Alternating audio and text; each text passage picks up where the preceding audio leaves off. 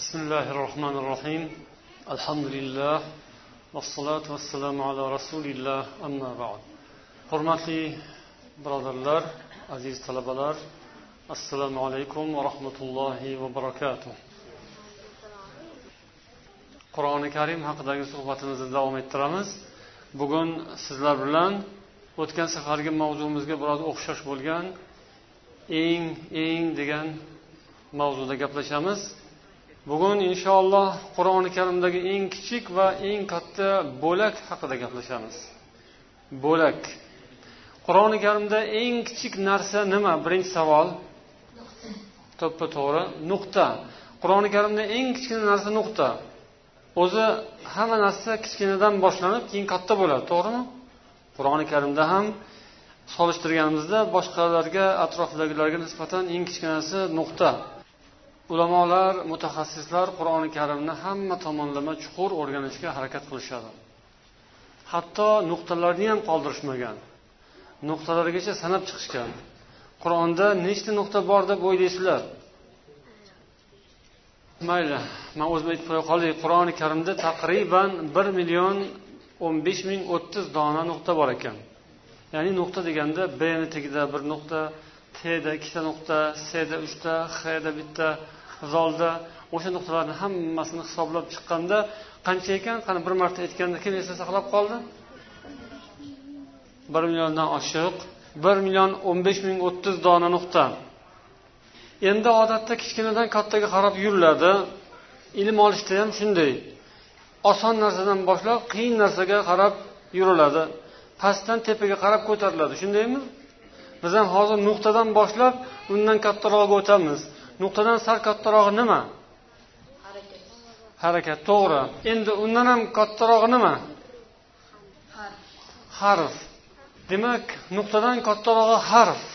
Qur'oni karimda nechta harf borligi haqida ham tadqiqotlar o'tkazib ulamolarning taqriban hisob kitoblariga qaraganda ya'ni bu qadimiy hisob ekan uch yuz yigirma ming o'n besh dona harf bor. Buni mashhur mufassir ulamolardan ibn kasir rahimaulloh o'zlarini tafsirlarida keltirganlar mujohid rahimaullohdan rivoyat qilib demak qur'oni karimda nechta harf bor ekan? Bir marta aytdim. Uch yuz yigirma ming o'n beshta. To'g'ri muhammad to'g'ri aytdi. Demak uch yuz yigirma ming o'n besh dona harf bor. Endi harfdan yuqorisi nima bo'ladi? Harfdan kattarog'i so'z bo'ladi. Arabchada nima deydi so'zni? Kalima. Demak qur'oni karimda harfdan keyin kalima keladi. Kalimalarni ham sonini hisoblashgan. Buning soni yetmish yetti ming to'rt yuz o'ttiz to'qqiz dona kalima. Ibn kasir rahimaullohning o'sha rivoyatlari. Qancha ekan kalimalar? yetmish yetti ming to'rt yuz o'ttiz to'qqizta. Endi kalimalardan keyin nimaga kelamiz? Oyatga. Oyatlar oyatlarning soni haqida turli xil rivoyatlar bo'lgan ixtiloflar bo'lgan qadimdan. Lekin eng to'g'risi ixtiloflar bo'lishining sababi oyatlarni tugallanish va boshlanish nuqtasida ixtilof bor. Oyatlar ba'zi rivoyatlarda ba'zilar oyat desalar ba'zilar oyat emas hali tugamadi deyishgan. Mana shunday qilib hisob kitobda ham natijasida har xil chiqadi. Yana bir sababi bismillahi rohmanir rohimni har bir suradan oyat deb aytgan olimlar ham bor. Har bir suraning oyati emas. Faqat bitta suraning oyati deganlar ham bor. Shunga ham qaralsa yana hisob kitobda turli xil natijalar chiqadi.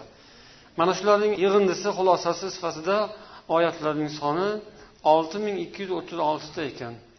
Endi oyatdan keyin nima keladi? Sura keladi.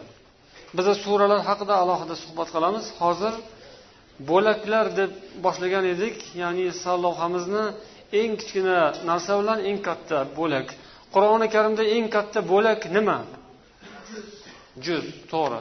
Qur'oni karimda eng katta bo'lak juz. Qur'oni karim hammanglar bilasizlar necha juzdan iborat? O'ttiz juzdan iborat. Endi mana shu juzlar haqida ozgina gapiramiz.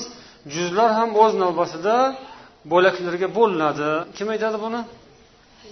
Hizblarga bo'linadi. Nechta hizbga bo'linadi? Bir juz? To'g'ri ikki hizbga bo'linadi bir juz. Endi hizb ham o'z navbatida bo'linadi. To'rtta. Ya'ni har bir hizb to'rga bo'linar ekan. O'sha to'rt bo'lakning bittasini oti nima deydi? Rubo rubo degan nima degani o'zi? Ruboni tarjimasi? To'rtdan bir degani. Rubo rubun chorak o'zi mana shu fulun vaznda keladi ya'ni sulusun rubon xumusun keladi. Sulus bo'lsa uchdan bir rubo bo'lsa to'rtdan bir xumus bo'lsa beshdan bir bo'ladi. Qur'oni karimda hammasi bo'lib nechta rubo bo'ladi shunda?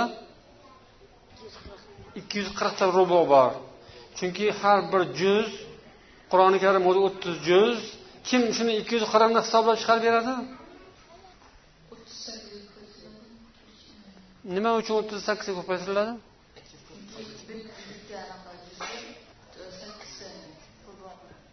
demak shunday qilib ikki yuz qirq rubo bo'ladi. Endi yana bir narsaga e'tibor berishinglar mumkin. Payg'ambar sollallohu alayhi vasallam zamonlarida sahobalar zamonlaridagi hizb bilan hozirgi paytda o'qilayotgan hizbning o'rtasida farq bo'lar ekan. Payg'ambar alayhissalom davrlarida bunday hizb bo'lmagan ekan. Bu hajjoj zamoniga kelib iroqda paydo bo'ldi. Hozirgi kundagi taqsimot. Buni ibn taymiya rahimaulloh ham o'zlarining fatavolarida keltirgan ekanlar. Ya'ni payg'ambarimiz sollallohu alayhi vasallam zamonlaridagi hizb har kuni bir hizbdan o'qib har bir haftada bir martadan xatm qilishga payg'ambar sollallohu alayhi vasallam buyurganlar. Ya'ni undan kamida o'qimagin haftada bir marta xatm qilgin deb aytgan ekanlar. Shunda o'shanga asoslangan holda yetti hizb yoki yetti bo'lakka ajratilgan. Lekin hozirgi paytdagi hizblarning hisob kitobi harflarning soniga qarab bo'ladi deyishadi ulamolar. Lekin avvaldagi hizbning hisob kitobi esa suralarga qarab bo'lgan. Ammal tahzib الموجود الآن فقد أحدث في عهد الحجاج بالعراق كما نص على ذلك شيخ الإسلام ابن تيمية وهو التحذيب بالحروف وليس بالآيات أو السور. suralarga qarab emas oyatlar hisobiga qarab emas balkim harflarning soniga qarab taqsim qilingan natijasi ekan وهذا هو الذي أوجد هذا التفاوت في عدد آيات كل حزب shuning uchun deydilar bu yerdan bir narsa kelib chiqadiki hizblarning ichidagi oyatlarni soni bir biridan farq qiladi. Har bitta hizbda bir xilda oyat emas balkim kamida yigirmata oyat uzog'i bilan oltmishta oyat bo'lar ekan. Har bitta hizbda o'n besh yigirmata oyat ba'zi hizblarda ba'zi hizbda esa ellikta oltmishta oyat bo'ladi.